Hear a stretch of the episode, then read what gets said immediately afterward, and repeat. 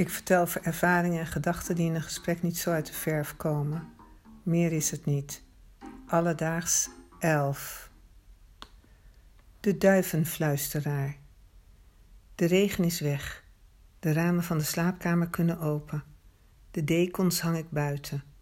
Ik kijk nog even van zes hoog naar beneden en kijk op een meel die op een lantaarnpaal zit. Ik rommel wat in de keuken, loop de gang in en stop acuut. Ik zie een soort grijs betonnen beeld van een vogel op het matras zitten.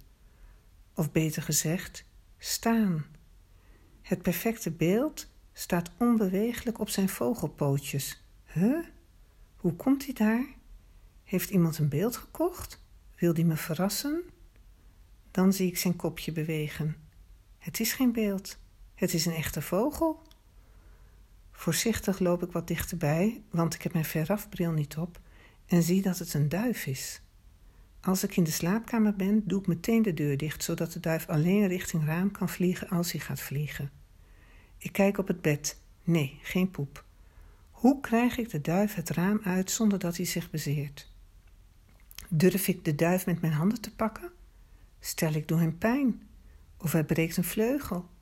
Al deze gedachten flitsen in een nanoseconde door mijn hoofd. Dan herinner ik me dat ik als kind in Amsterdam met mijn opa mee naar zolder mocht, waar hij duiven hield. Mijn gedachten worden rustig. Ik vertrouw mijn kunnen. Ik zie dat de duif een ringetje om zijn poot heeft. Hij is de verkeerde til ingevlogen. Ik praat zachtjes tegen de duif, terwijl ik mijn hand naar hem uitsteek.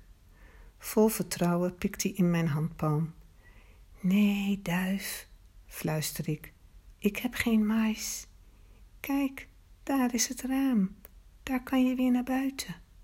Ik breng nu ook mijn andere hand richting duif. Voorzichtig sluit ik twee handen om het lijfje. De duif blijft rustig. Hij koert niet, maar maakt een zacht snorgeluid. Ik loop met de duif naar het raam, steek mijn handen uit en laat de duif los. De natuur doet gelukkig zijn werk, want de duif vliegt weg. Tot de volgende alledaags.